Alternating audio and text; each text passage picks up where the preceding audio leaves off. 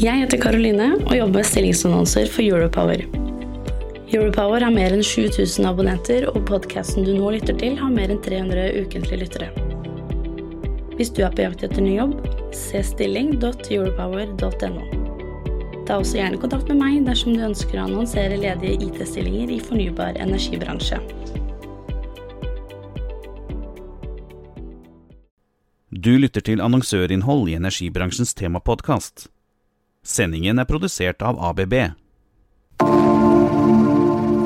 Eksisterende teknologi kan dramatisk kutte energiforbruket og derved kostnader i næringsbygg. Og energieffektivisering er et sentralt bidrag til det grønne skiftet. Velkommen til denne podkasten fra oss i ABB om grønt skifte med smartere næringsbygg. Jeg heter Even Fladberg og jobber på vår informasjonsavdeling. Med meg i studio har jeg Lars Fredrik Mathisen, Stian Reite og Thomas Hafsberg. Lars Fredrik er ekspert på elektriske motorer og såkalte frekvensomformere. Stian er en av våre guruer på hybride kraftsystemer, mens Thomas er en ringrev innen byggautomatisering og smarte samfunn. Eh, Lars Fredrik, eh, hvor mye energi eller strøm benyttes til oppvarming og kjøling av bygninger? Hvis vi ser på Europa, så står eh, bygninger for ca. 40% av det totale energiforbruket. Og avgir 36% av de totale CO2-utslippene.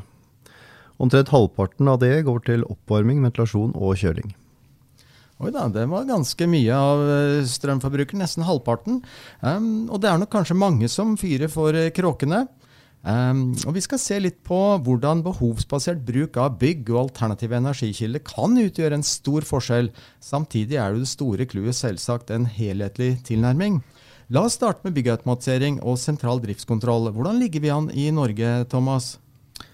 Sentral driftskontroll har vært i Norge i mange tiår, egentlig. Um, mye er standardisert, og mye er uh, basert på, på, hvordan ting har utviklet seg og blitt bygget opp gjennom disse ti årene. Selve systemet kan man egentlig dele inn i tre nivåer. Det ene handler om giverne. Det andre handler om kontrollerne. Og det tredje nivået er HMI-en, grensesnittet mot operatøren, eller ofte kalt toppsystemet. Toppsystemet kan videre igjen kobles opp imot energiovervåkning og vedlikeholdssystemer slik jeg ser det, så handler det om å at, uh, forenkle hverdagen for de som jobber og bor i byggene, eller de som drifter byggene, eller de som eier og opererer byggene. Uh, ABB oppfatter jeg som en leverandør av komponenter, f.eks. For, for KNX og sånt, for, for styring av uh, lys og varme, hvor vi leverer og hjelper uh, systemintegratørene til å, å, levere sine funksjoner og løsninger. Mye er gjort, men det er fremdeles mye ABB kan bidra med med å forenkle hverdagen for innbyggere, operatører og eiere. Så bra. Um, og Kan du gi oss en, en, liten sånn kjapp oppskrift på et skikkelig sentralt driftskontrollanlegg som, uh, ja, som virkelig gjør susen for å redusere energiforbruket? Det er mulig jeg har uh, kastet litt malurt i begeret her, men styring av lys og varme er fremdeles kommer til å være basis. Men etter at effekt kommer til å få en høyere kost, så kommer det til å være viktigere styringsparametere. Tidligere så har nattsenking og strømsparing vært en driver. Fremover så kommer effekt til å bli mer styrende. Det betyr at, uh, at det S-anlegget som da det sentrale driftskontrollanlegget ser hele anlegget og må settes opp slik at vannvarme, snøsmelting, varmekabler, lading av elbiler styres optimalt basert for å kutte effekthopper. Nattsenking f.eks. sparer strøm. Men det blir en høyere effekttopp når temperaturen skal opp igjen. Samtidig er det viktig at systemene får varme og kjøling, eh, ikke jobber mot hverandre. Og i tillegg til det så kommer vedlikehold og optimalisering av drift til å være en viktigere driver for ST-anlegg fremover. Ja, tusen takk, Thomas. Dette her var uh, gull i mine ører. Så Hvilke standarder, hvis noen, er det som gjelder for, uh, for slike systemer, eller da undersystemer, slik at de snakker sømløst sammen? Ja, for standarder kan man tenke standard på funksjonalitet og standard for å, hvordan f.eks. ventilasjonsanlegg virker. og Det er bygget opp over tid. Tidligere så var det one-offs alt sammen, og alt ble bygget uh, for det enkelte anlegget. Nå er det mer og mer standardisert, sånn at et ventilasjonsanlegg styres på samme måte uansett. Uh, standard for kommunikasjon er det flere av. KNX som ABV er store på, er én. Dali for lys, eller så er det Bakknett og uh, alle mulige andre kommunikasjonsstandarder det er basert på eternett eller serielt, det spiller ikke så stor rolle. Funksjonen er det viktigste. Ok, tusen takk, eh, Thomas. Så styring det er altså et stikkord. Eh, det gjelder ikke minst elektriske motorer som driver pumper og vifter for varme, ventilasjon og kjøling. Eh, Lars Fredrik, eh, jeg har hørt at få elmotorer har hastighetsregulering, til tross for at det kan være mye energi å spare på å tilpasse hastigheten til behovet. Ja, det, det høres kanskje smått utrolig ut, men uh, omtrent en tredel av det globale forbruket av elektrisk energi går til elektriske motorer, og kun 10% av disse styres. Pumpe, pumper, vifter, kompressorer har som oftest det vi kaller en kvadratisk lastkarakteristikk, dvs. Si at forholdet mellom effekt og turtall styres av det som kalles affinitetslovene. Enkelt fortalt så sier affinitetsloven at dersom man halverer turtallet på en kvadratisk last, så vil effektforbruket reduseres til en åttendedel.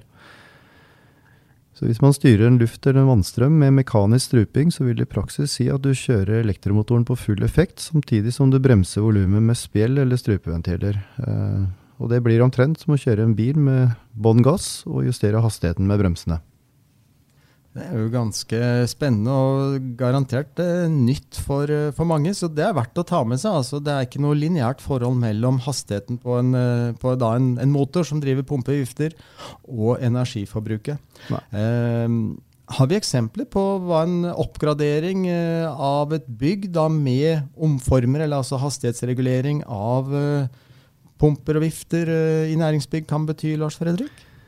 Ja, vi har eksempler på det fra ABB. Vi har jo gjort flere oppgraderinger. Eh, Bl.a. hotell Intercontinental i Madrid. De byttet ut eh, laveffektive motorer som var mekanisk styrt, med høyeffektive motorer og frekvensomformere. Og de har da klart å redusere strømforbruket sitt med 40% og sparer 445 megawatt-timer i året. Oi, ja, Kun det... på det enkle grepet. Det svinger. Det betyr energiforbruk til ganske mange eneboliger.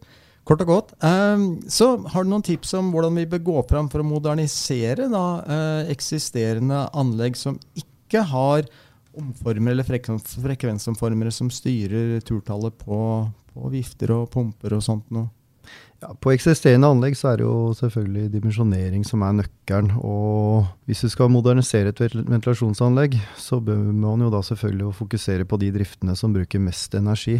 Så må man også ta noen hensyn eh, når man eh, gjør en oppgradering. Når man implementerer elektronisk utstyr i byggventilasjon, så får man også noen utfordringer, eh, bl.a. med harmoniske strømmer i anlegget. Men det kan vi da heldigvis forebygge enkelt ved å bruke lavharmoniske frekvensoppformere.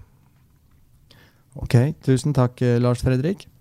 Vi var innom Madrid, og det er kanskje flere soltimer i den spanske hovedstaden enn hos oss her i høye nord. Eh, men nå satses det på solceller så langt nord som Svalbard, eh, dvs. Si på flyplassen. Hva med gode eksempler på fastlandet, Stian? Ja, jeg, jeg tror det at um Solceller eh, blir mer og mer aktuelt her i Norge også. Det ser vi jo eksempler på, både på um, eneboliger, som, uh, der er mange som er interessert i å legge solcelleanlegg på eneboligtaket sitt, men også på næringsbygg og litt større anlegg. Da. Og, og um, ja, et eksempel på et prosjekt vi ABB har, som vi ABB har levert, er jo anlegget på um, Skagerrak Arena som heter Skagerrak Energilab. Um, som jo består av uh, solcelleanlegg på tribunetakene på Odd sin hjemmebane i Skien. Som er jo et ganske stort anlegg. Der er det jo estimert årsproduksjon på 600-700 megatimer, og, og det er jo da tilsvarende 30-40 eneboliger.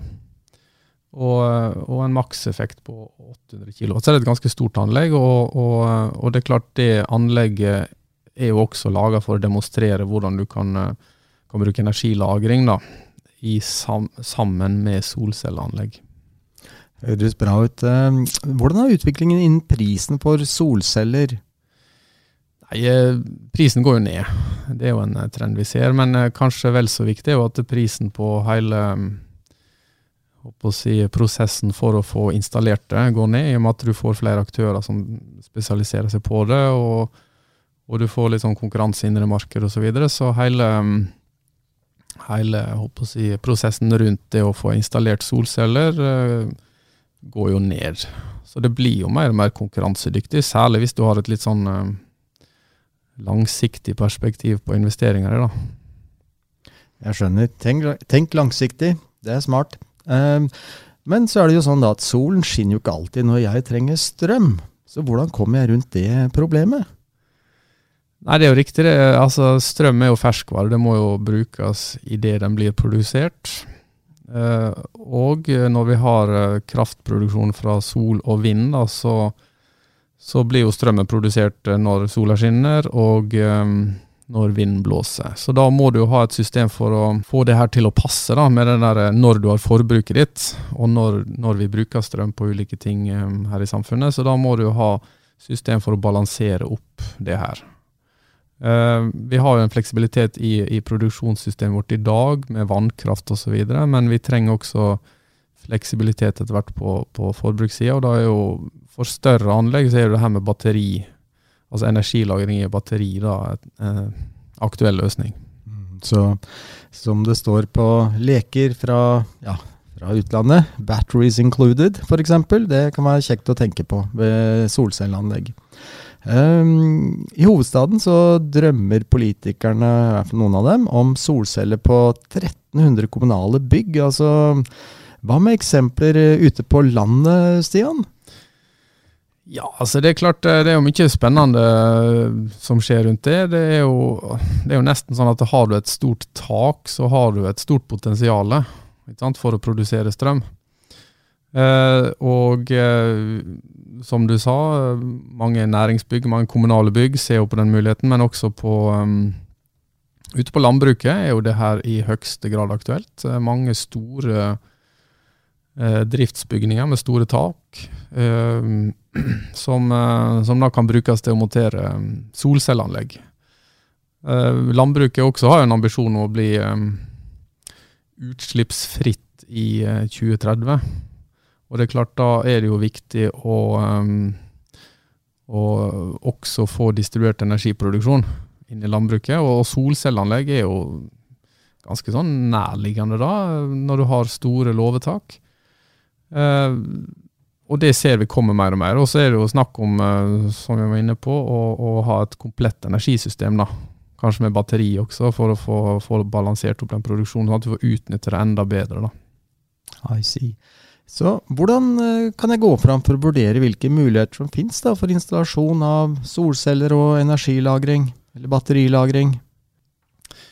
Nei, det er klart eh, For, eh, for privatpersoner så finnes det muligheter på, på, nett. Du kan gå inn på sånne solkartløsninger og kontakte leverandører osv. Det kan du også på næringsbygg, som jo kanskje har større potensial.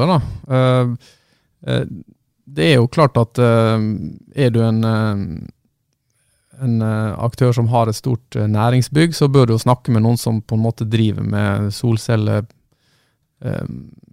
solcelleprosjekter. for det må prosjekteres opp på en ordentlig måte. Du må på en måte vite litt om nettforholdene i, i, det området ditt. Du må snakke med nettselskapet osv. For å finne ut hvordan du skal gå fram. da. Ja, Så bra. Tusen takk, eh, Stian. Vi skal også en kort tur innom eh, frekvensomformer igjen.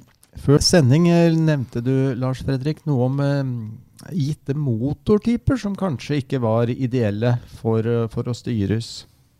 Ja, det går jo litt på dimensjonering igjen av anlegget ditt. Det er en type motorer som har blitt populære den siste tiden. Eh, såkalte EC-motorer. og Det er motorer som styres elektronisk, men de har begrenset, en begrensa reguleringsevne. og Det fins lite, lite, data på virkningsgrad på EC-motorer ved dellast. Og som jeg nevnte tidligere, så er det jo ved dellast som du får den største gevinsten ved å turtallsregulere. I tillegg til så forholder jo ikke produsenter av EC-motorer seg til elektriske normer for EMC og harmoniske strømmer. Eh, så i noen tilfeller så kan EC-motorer være godt valg, da de eh, fysisk, eh, har fysisk liten størrelse. Men i de aller fleste tilfeller så vil en kombinasjon av en høyeffektiv motor med en frekvensoppformer være det beste valget i et levetidsperspektiv. Ja, Litt å passe på der, altså. Det drar seg mot slutten, og vi vil gjerne ha en oppsummering innen hvert deres skal vi si, fagfelt. Og vi starter, eller fortsetter da med Lars Fredrik. Motor og omformere. Ja, det er det er enkelt og samtidig vanskelig. Eh, høyest mulig virkningsgrad på pumpe, vifter og kompressorer, altså det mekaniske utstyret. Alltid velge høyeffektive motorer. Du har forskjellige effektklasser på motorer. Du alltid velge, bør alltid velge høyeste effektklasse, spesielt på utstyr som går kontinuerlig. Eh, har man kvadratisk last, så bør eller skal man bruke en frekvensoppformer. Eh, og hvis man har utfordringer i det elektriske anlegget, så er lavharmoniske frekvensavformere for å minimere elektrisk støy et veldig godt valg. Ja, tusen takk, eh, Lars Fredrik. Hva med hybride kraftsystemer, eh, Stian? Ja, jeg tror jo det at um, det blir mer og mer aktuelt med solceller. Hvis du har et stort tak, så, så er det på en måte et potensial som du kan utnytte. Og, um, og så vil vi jo se etter hvert uh, også, tror jeg, at uh, i mange prosjekter så vil man bruke batteri for å ha en uh, type energistyring og en balansering på det her. sånn. det vil nok kanskje først og fremst være litt større prosjekter. og man må jo ha et litt sånn langsiktig perspektiv da, på, um, på investeringa si for å få, få lønnsomhet i det her. sånn. Men, men, det er klart, særlig der du har litt utfordrende nettforhold, der du kan på en måte bruke et batteri for å slippe å, og, og gjøre investeringer i, um, i nettet, da. Uh, så kan det være aktuelt med batteri, og, uh, og også der du, håper å si,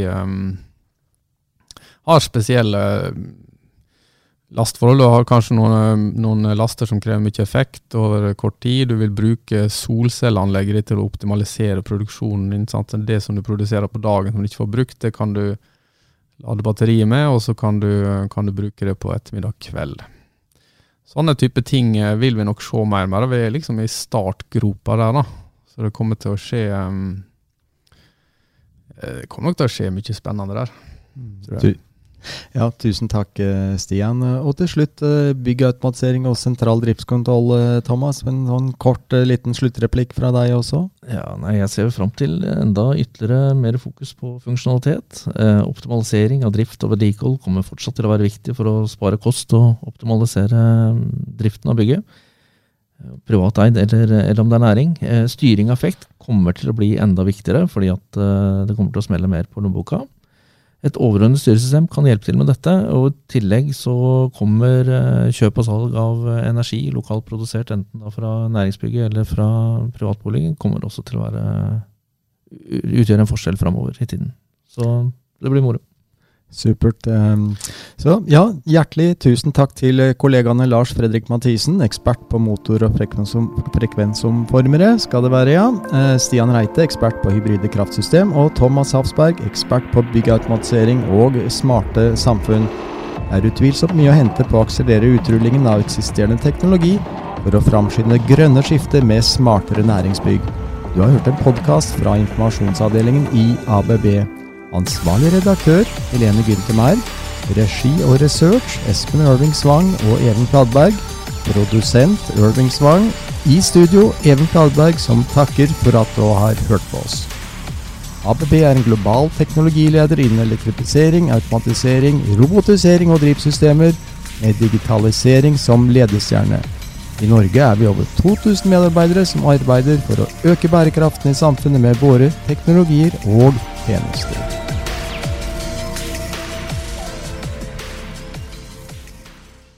Du har lyttet til annonsørinnhold i energibransjens temapodkast. Sendingen er produsert av ABB. Jeg heter Karoline og jobber med stillingsannonser for Europower. Europower har mer enn 7000 abonnenter, og podkasten du nå lytter til, har mer enn 300 ukentlige lyttere. Hvis du er på jakt etter ny jobb, se stilling.europower.no. Ta også gjerne kontakt med meg dersom du ønsker å annonsere ledige IT-stillinger i fornybar energibransje.